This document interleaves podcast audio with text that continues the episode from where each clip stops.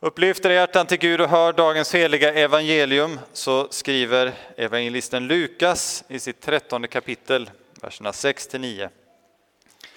Jesus berättade denna liknelse. En man hade ett fikonträd planterat i sin vingård och han kom för att se om det fanns frukt på det, men han fann ingen.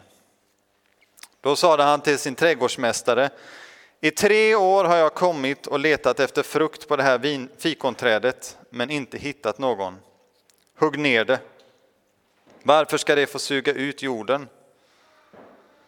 Men trädgårdsmästaren svarade honom, Herre, låt det stå kvar även i år, tills jag grävt omkring det och gödslat. Kanske bär det frukt nästa år. Annars ska du hugga ner det. Så lyder det heliga evangeliet. Lovad vare du, Kristus. Idag är första dagen på det nya året. Det är första dagen för många att hålla, börja hålla de löften de avgett för det nya året. Löften som ofta kommit eh, till på grund av att man varit missnöjd med något året innan. Och nu ska det bli annorlunda, tänker man. Och för en del blir det annorlunda. För en del blir det starten på någonting nytt som kanske också håller i sig. Men för de flesta så blir det mycket entusiasm och nya tag till en början och sen så byts det snart i besvikelser eh, och en tillvaro som nog inte är så annorlunda eh, från förra året. Löftena bär sällan så mycket frukt. Självprövning när det gäller det jordiska, som när man ska komma på vad, vad är det för löften jag ska avge detta år. Det kan vara någonting gott, man reflekterar över, över vad som har varit, vad som är, är mindre bra. Så det kan bära goda saker med sig. Men Jesus vill idag att vi ska ägna oss åt verklig självprövning inför den liknelse som han berättar. Och då gäller det inte en lite hälsosammare livsstil eller mindre skärmtid, utan liv eller död. Att bära omvändelsens frukt eller att huggas ner och kastas i den eviga elden.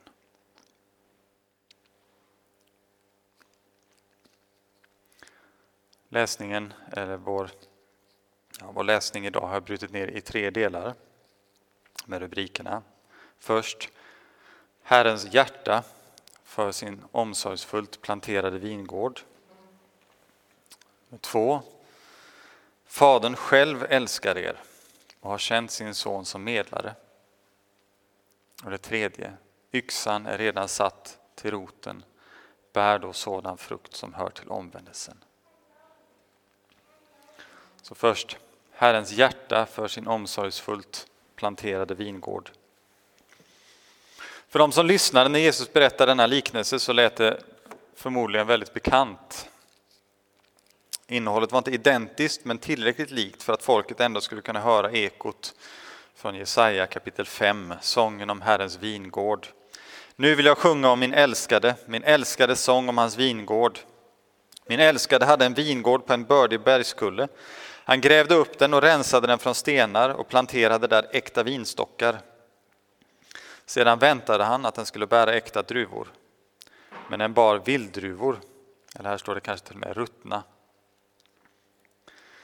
Och nu Jerusalems invånare och judamän, döm mellan mig och min vingård. Vad mer kunde jag göra för min vingård än vad jag gjort för den? Herren Sebaots vingård är Israels hus och juda folk hans älsklingsplantering. Han väntade laglydnad men fann blodiga lagbrott. Han väntade rättfärdighet men fann skriande orättfärdighet. Det säger 5, 1-4 och vers 7.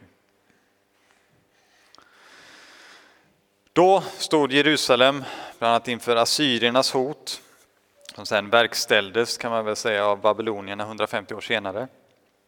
Israel hade glömt Gud och Guds lag och förlitade sig istället på mänskliga överenskommelser och liknande istället för att lita till Herren. Följden blev så småningom att Jerusalem och templet förstördes år 587. Och helt säkert så påminde Jesu liknelse åhörarna om detta stora trauma. Och det var nog meningen.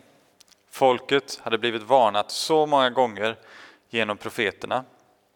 Två kapitel tidigare så påminner Jesus dem om hur folket i Nineve omvände sig vid Jonas predikan.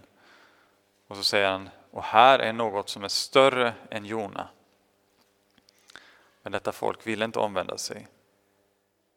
Och då säger Jesus, Nineves män ska uppstå vid domen med det här släktet och bli deras dom. Liksom på Jesajas tid och även efter så fick folket varning på varning. Herren sände profet efter profet, men de ville inte lyssna. De ville inte omvända sig, ville inte söka Guds förlåtelse och överge sina onda gärningar. Och nu gör Jesus det klart för folket att ni är som era fäder. Herren har varit trofast mot dem, gjort gott mot dem, visat dem kärlek och omsorg, men de har lönat gott med ont och vänt Gud ryggen. En sådan skriande orättfärdighet, för att tala med Jesaja, kommer han att, inte att tolerera hur länge som helst. Hans tålamod har ett slut och då finns det inte längre tid för omvändelse. Men människor både idag och då hittar alltid en ursäkt, en bortförklaring till varför de inte vill omvända sig. Oftast genom att inte kännas vid sin ondska, sin synd, fortsätta att intala sig själv att man är god eller att man har goda skäl för att göra som man gör. Kanske till och med åberopa bibelord som försvar. Fariséerna som de skriftläras förkastande av Jesus. Eh, det var ju rimligt eftersom Jesus hade fräckheten att göra gott inte bara sex dagar i veckan utan även sju dagar i veckan. Så han helgade ju inte vilodagen. Så det var ju av kärlek till lagen som de var kärlekslösa mot människor. Eller så ger man direkt eller indirekt Gud skulden. Han har inte gjort tillräckligt för mig. Varför skulle jag bry mig om honom? Om han fanns eller brydde sig om mig skulle inte, här, skulle inte det här ha hänt mig. Eller så åberopar man någonting som har hänt till, till någon annan, kanske en familjemedlem eller vän. Eller så kräver man en särskild uppenbarelse. Om Gud finns får han väl visa sig för mig. Han vet vad som behövs för att jag ska kunna tro och då är det hans ansvar att ge mig de bevis jag behöver. Men det är ett hårt hjärta som talar så. Kanske ett hjärta som har blivit hårt genom svåra saker man drabbats av. Men samtidigt så bär en del ett närmast oförklarligt hat mot Gud, en bitterhet, en ilska.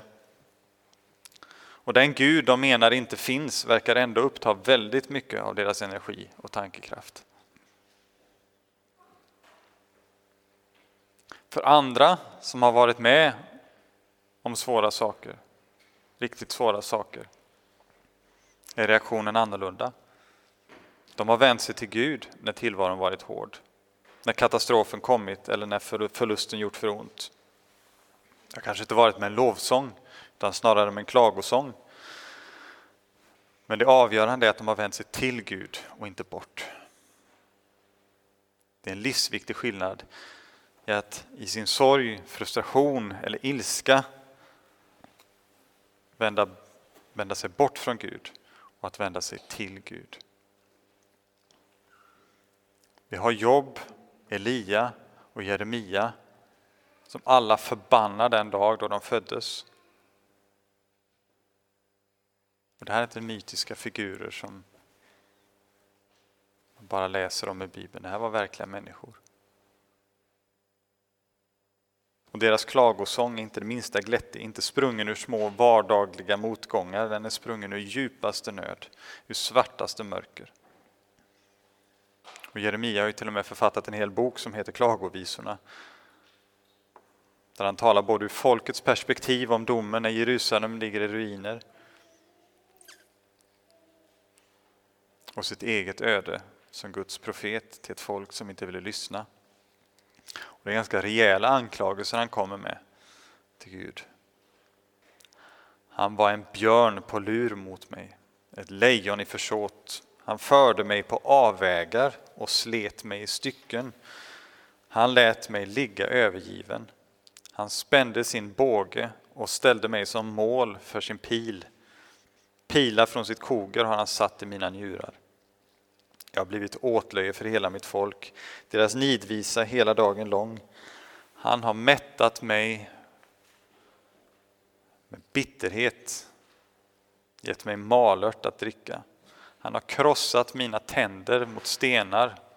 Han har tryckt mig ner i askan. Du, vänder han sig till Gud direkt, har fördrivit min själ från friden. Jag har glömt vad lycka är. Jag sa det, det är slut med min livskraft och mitt hopp till Herren. Jeremia 3, vers 10-18. Så fortsätter man läsa. Just när han säger att mitt hopp till Herren är slut. Då vänder det. Detta tar jag till hjärtat. Därför har jag hopp, säger han. Och så kommer vår gammaltestamentliga läsning. Det är Herrens nåd att det inte är ute med oss, att det inte är slut med hans barmhärtighet. Tänk om det är så att det är bra för oss att vi får lida, hemska tanke. Tänk om det är så som David säger i, i, i Psaltaren 119. Innan jag fick lida gick jag vilse, men nu tar jag vara på ditt ord. Det gjorde mig gott att få lida så att jag fick lära mig dina stadgar. Och som det står i Jesaja 38. Se, den bittra plågan blev till nytta för mig. I din kärlek räddade du min själ från förintelsens grop, för du har kastat alla mina synder bakom din rygg. Tänk om det är så att det verkligen är i kärlek Gud utsätter oss för lidande, och till och med sänder lidandet.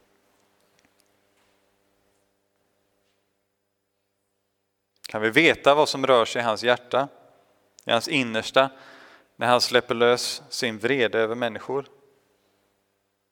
När vi ropar pappa, hur kan du göra detta mot mig? Han har berättat det för oss, återigen i Klagovisorna kapitel 3. Herren förkastar inte för evigt. Om han än bedrövar förbarmar han sig i sin stora nåd. För det är inte av hjärtat han plågar och bedrövar människors barn.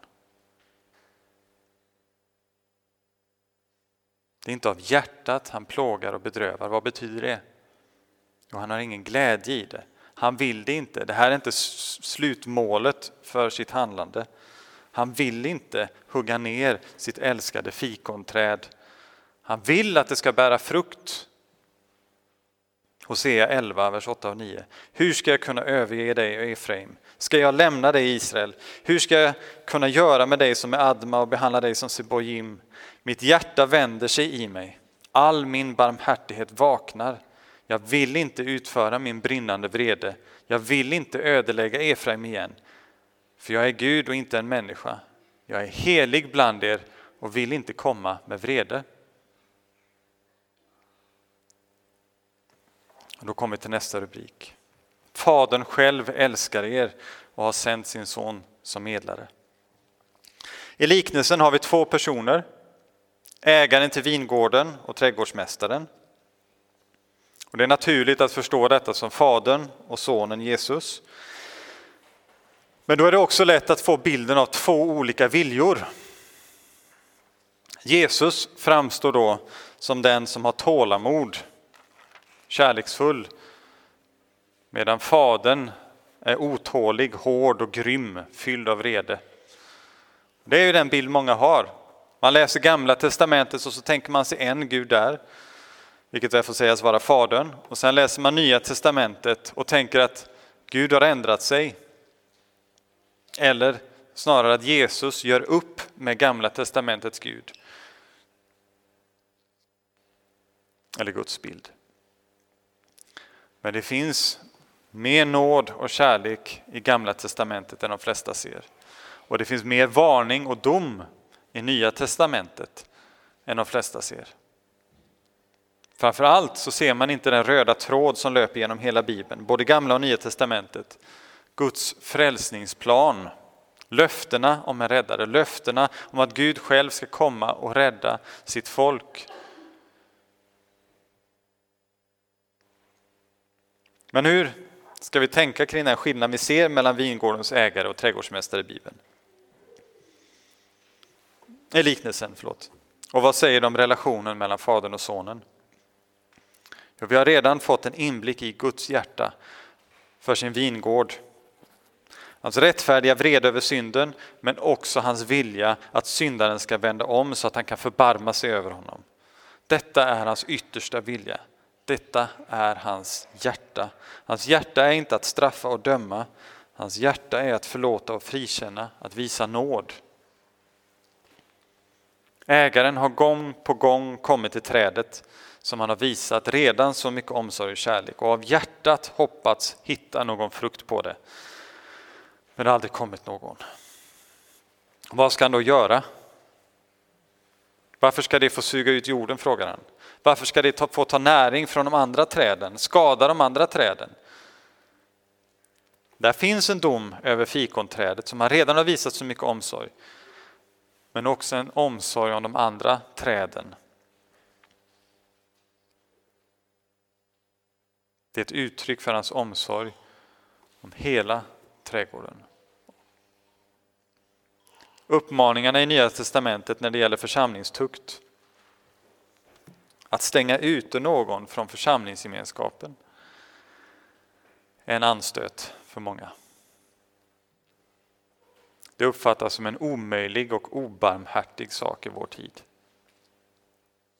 Men anledningen till att vi har en sådan ordning är just detta att ytterst sett värna de andra träden om man så vill. Samtidigt som det blir en varning och förhoppningsvis ett uppväckande för den som drivs ut. Det får aldrig göras lättvindigt. Det är jobbigt och gör ont för alla inblandade, precis som Herren säger att hans hjärta vänder sig i honom när han måste komma med vrede. Men det kan som en sista åtgärd vara nödvändigt. Om vi då kommer tillbaka till liknelsen så ser vi hur trädgårdsmästaren vädjar till ägaren för trädet. Poängen här är inte att trädgårdsmästaren är mer kärleksfull och nådig än ägaren, utan poängen är rollen som trädgårdsmästaren har. Ägaren tar emot denna vädjan och ger trädet ytterligare en tid till att börja bära frukt. Och detta rör vid det innersta när det gäller Faderns och Sonens roll i frälsningen. Gud är en och hans vilja att människor ska bli räddade är en. Men Jesus är satt som vår medlare, vår förespråkare inför Fadern. Och hans roll som medlare har sin grund i hans ställföreträdande offer. Så förenas hans heliga och rättfärdiga vilja att synden inte ska gå ostraffad med hans nåd och barmhärtighet och vilja att syndaren ska räddas. Gud kan inte göra avkall på sin rättfärdighet och helighet men han kan inte heller göra avkall på sin kärlek, nåd och barmhärtighet. För allt detta är ett utflöde av hans väsen, vem han är. Det är inte så att kärlek eller vrede är någonting som finns utanför Gud, som han bara har som finns före Gud på något vis. Det är ett utflöde av hans väsen. Men vi människor möter, när vi möter detta, då uppfattar vi det som olika saker. Men korset är för oss den plats där dessa möts, där nåd och sanning möts och där rättfärdighet och frid kysser varandra. Psaltaren 85.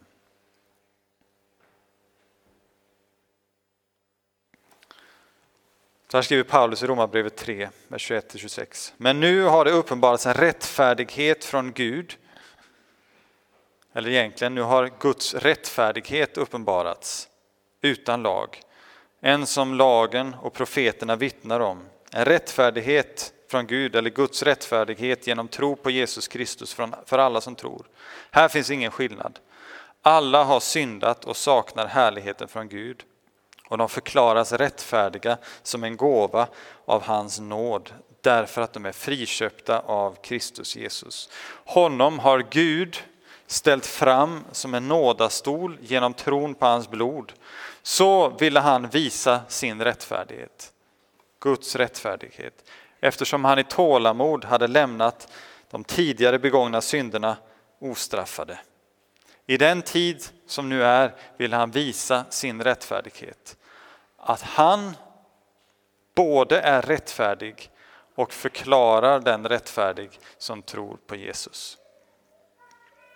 Jesus är den öppna vägen till Fadern. Jesus är vår försvarsadvokat i himlen som för vår talan. Inte inför en fader som inte vill veta av oss, utan inför en fader som själv älskar oss. Johannes 6, eller 16, 27. Det här säger Jesus till lärjungarna deras sista kväll tillsammans innan hans lidande och död. Fadern själv älskar er. Och till Fadern säger Jesus om oss som litar på honom. Denne har jag offrat mig för, renat i mitt blod, gjort helig och rättfärdig. Och vad Fadern har längtat efter detta. I Hesekiel 22.30 hör vi Fadern säga, jag sökte bland folket efter någon som skulle bygga en mur och ställa sig i gapet inför mig till försvar för landet så att jag inte skulle fördärva det. Men jag fann ingen. Fadern längtade efter detta. Han längtade efter att någon skulle ställa sig i gapet. Och han har själv sänt sin son att ställa sig i gapet inför honom till försvar för dig. För så älskade Gud världen att han sände sin enfödde son för att var och en som tror på honom inte ska gå förlorad utan ha evigt liv. Johannes 3.16. När trädgårdsmästaren vädjar för fikonträdet så är det inte en motvillig ägare som får ge med sig utan en vingårdsägare som gläder sig. Det är ju han som har satt just denne trädgårdsmästare att sköta sin älskade vingård eftersom deras hjärta för träden är ett. Det är han som gett oss Jesus som vår medlare. Romarbrevet 8, 31-34. Vad ska vi nu säga om detta? Om Gud är för oss, vem kan då vara mot oss? Han som inte skonade sin egen son utan utlämnade honom för oss alla. Hur skulle han kunna annat än också skänka oss allt med honom? Vem kan anklaga Guds utvalda? Gud är den som frikänner. Vem är det som fördömer? Kristus Jesus är den som har dött, ja än mer den som har blivit uppväckt och som sitter på, faderns, på Guds högra sida och vädjar för oss. Första Timoteus 2, vers 56. Gud är en och en är medlare mellan Gud och människor, människan Kristus Jesus som gav sig själv till lösen för alla.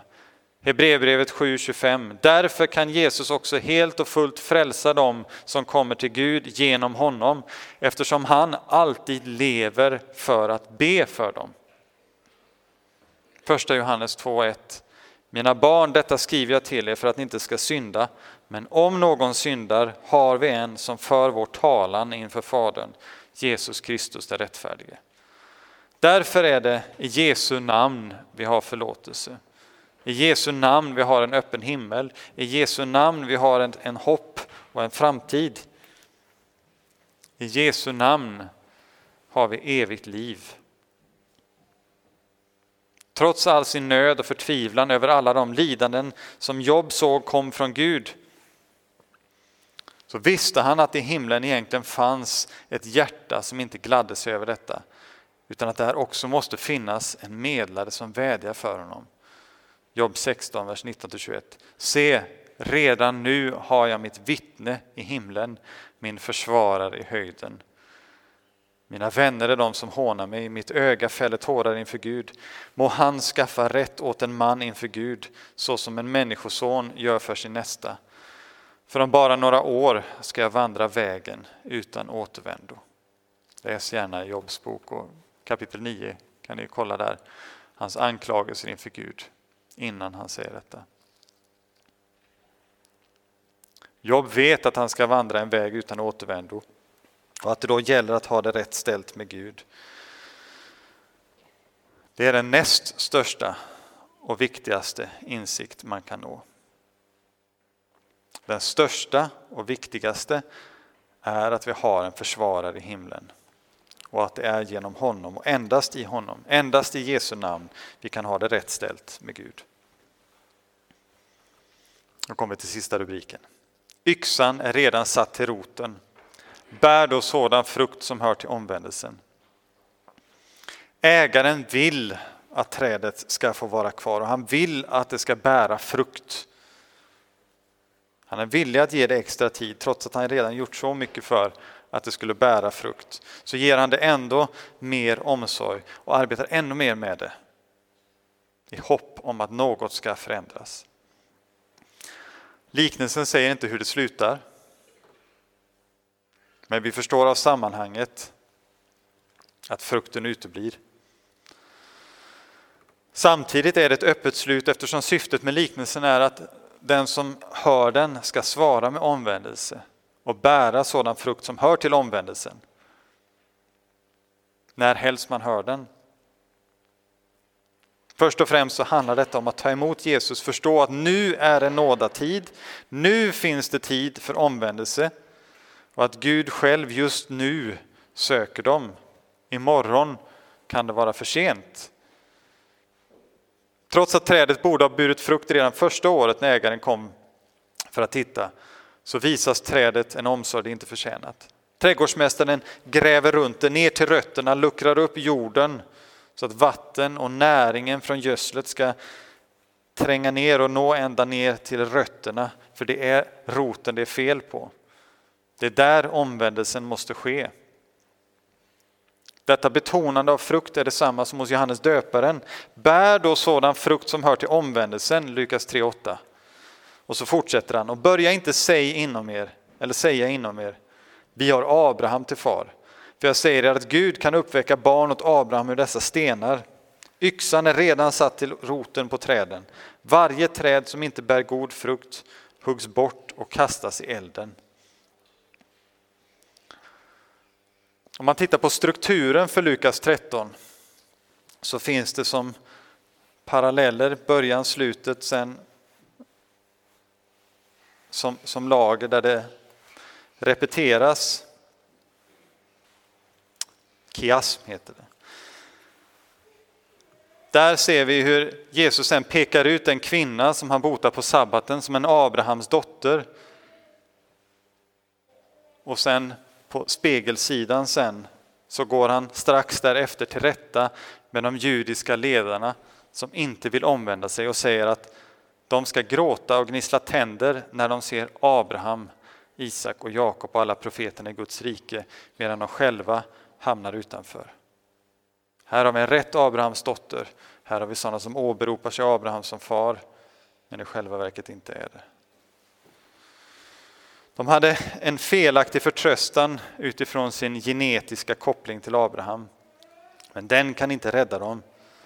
Det handlade istället om att ha Abrahams tro och den innebär också att sätta sitt hopp till Jesus. Jesus talar i liknelsen främst om det judiska folket som uppenbarligen är oförmöget att utläsa tidens tecken, som Jesus säger i kapitlet innan och missar sin besökelsetid, tiden då Herren själv kommit för att frälsa dem. Men det här gäller samtidigt varje människa. Paulus hakar på denna bilden något och varnar också hedningarna som kommer till tro. Men om några av grenarna har brutits bort och du som är en vild olivkvist har blivit inympad bland dem och fått del av det äkta olivträdets näringsrika rot, då ska du inte förhäva dig över grenarna. Om du förhäver dig ska du veta att det inte är du som bär roten utan roten som bär dig. Och nu invänder du kanske, grenarna bröts bort för att jag skulle ympas in. Det stämmer. De bröts bort på grund av otro, men du är kvar genom tron. Var inte högmodig, utan bäva. För om Gud inte skonade de naturliga grenarna ska han heller inte skona dig. Se här Guds godhet och stränghet.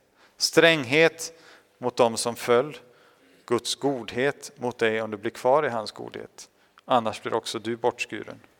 Men även det andra kommer att ympas in ifall de inte blir kvar i sin otro, för Gud har makt att ympa in dem igen. För om du blir bortskuren från vildoliven som du av naturen tillhörde och mot naturen inympade i ett äkta olivträd, hur mycket lättare ska då inte de naturliga grenarna inympas in i sitt eget olivträd? Romarbrevet 11. Se här Guds godhet och stränghet. Kanske kan man också säga att det handlar om att se Guds godhet i hans stränghet. Också i denna liknelse. Det är verkligen en inblick i ägarens hjärta för sitt fikonträd vi får och hans vilja för det. Det är där fokus ligger. Det är framför allt detta vi ska ta vara på. Gud gläder sig inte åt den ogudaktiges död. Istället vill han att den ogudaktige vänder om från sin väg och får leva. Hesekiel 33.11. För Gud, vår frälsare, vill att alla människor ska bli frälsta och komma till insikt om sanningen. Första Timoteus 2.4. Bakgrunden till att Jesus började undervisa med denna liknelse är att några kom och berättade om de Galileer vilkas blod Pilatus, Pilatus blandat med deras offer. Kanske vill någon som kom och berättade om detta försöka provocera fram ett hetskt utfall mot den romerska ockupationsmakten, något något som i så fall misslyckades. Men istället för att det blir ett tillfälle för politiska reflektioner så gör Jesus det till ett tillfälle för andligt uppvaknande. Jesus tar det som ett tillfälle för att undervisa om behovet av omvändelse eller uppmana till, vädja till dem om omvändelse. Eller så tänkte de att avsaknaden i deras liv av sådana lidanden som drabbat dessa galileer det var ett tecken på Guds välsignelse av deras liv, att han var nöjd med dem. Oavsett om det var deras föreställning eller inte så gör Jesus det klart att man inte kan dra sådana slutsatser. I liknelsen då som är vår evangelieläsning som han direkt efter fortsätter med här kan nog fikonträdet tycka att det är lugnt. Det är lugnt med Gud. Han är nöjd och glad med mig. Jag får ju stå kvar. Men vi har Guds perspektiv och vet att han i detta fall inte alls är nöjd. Avsaknad av dom, av lidande och liknande, både då och nu, kan inte ses som ett tecken på Guds gillande, att han är nöjd med hur det ser ut. Däremot kan vi med större säkerhet ta det som ett tecken på Guds nåd och tålamod. Och vi förstår också utifrån vår text att tålamodet har en gräns. Det finns en tid när tålamodet är slut, när nådatiden är slut. Då är det inte, om det då inte har blivit någon frukt, om det inte har blivit någon omvändelse, huggs trädet ner och kastas i elden. Vi huggs ner.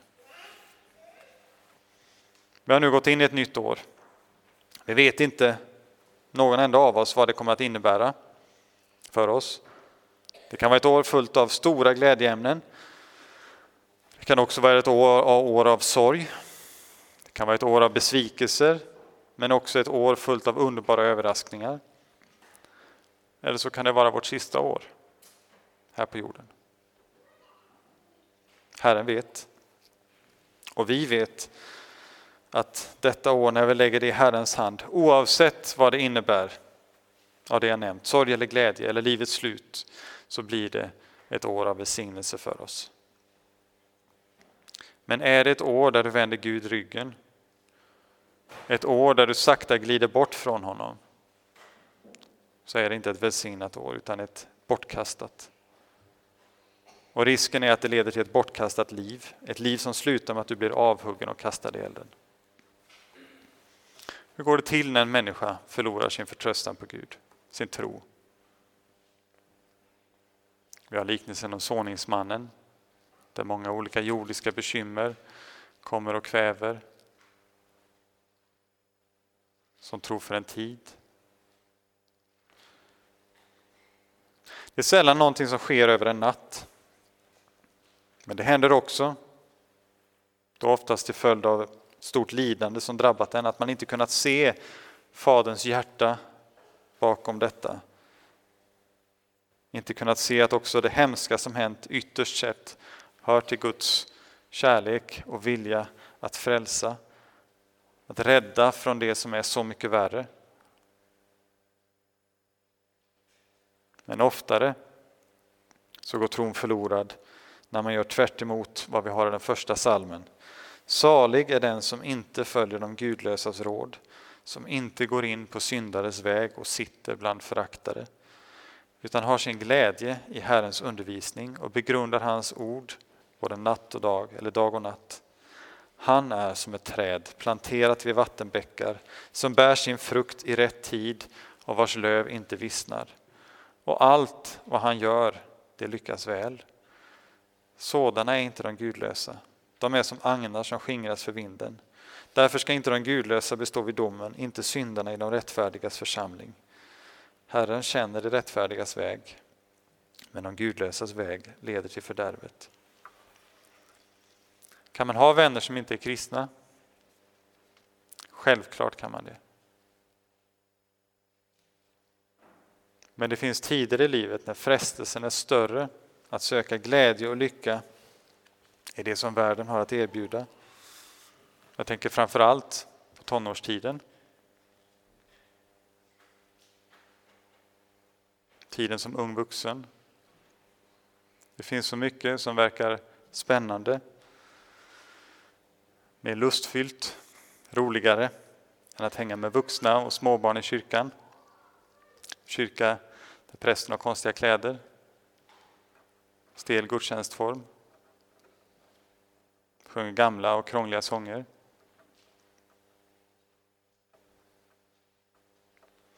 Har man inte jämnåriga som man trivs med i församlingen så hittar man nog det någon annanstans. Det behöver kanske inte vara dåligt. Men var vaksam. Deras vägar går kanske ibland till ställen där du inte bör gå. Inte alltid, men ibland. Och då behöver du veta, är du stark nog att stå emot? Att låta bli? Har du så djupa rötter att du står stadigt och istället kan vara ett ljus på deras stig, på deras vägar? Vara ett salt i deras liv som får dem att tänka efter hur de lever? Kanske kan det vara så när det gäller en vänskapsrelation. Men absolut inte när det gäller en kärleksrelation. Då gäller Bibelns tydliga ord. Gå inte i omaka par i ok med dem som inte tror. Det går inte att komma ifrån. Det blir aldrig en väg som leder till välsignelse. Det finns undantag, men de är få. För de allra flesta så handlar det istället om att den som börjar i tron slutar i otro. Börjar kompromissa på olika sätt.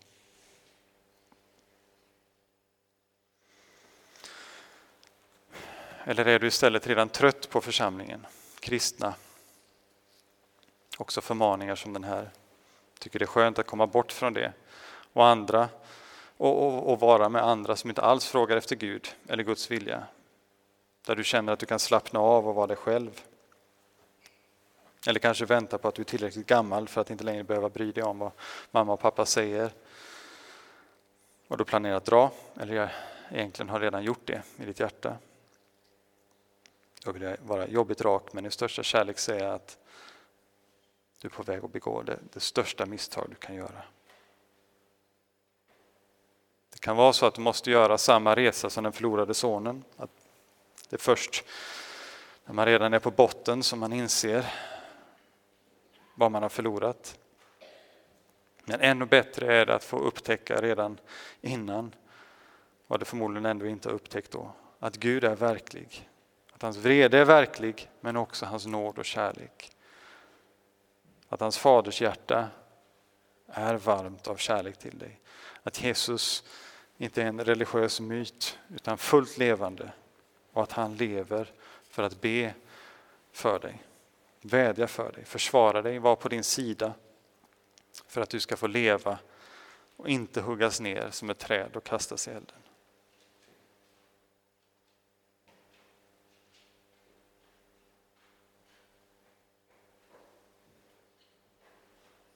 Jag vet inte om det här gäller någon här.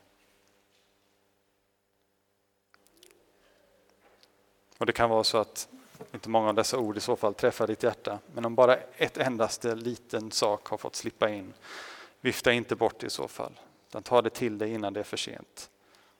Innan ditt hjärta är helt stängt och berövat.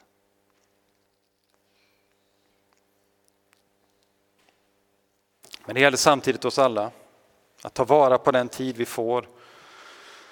Leva i omvändelsen varje dag. Vända oss till Jesus varje dag. I bön för oss själva, för de vi har runt om oss. Be om nåd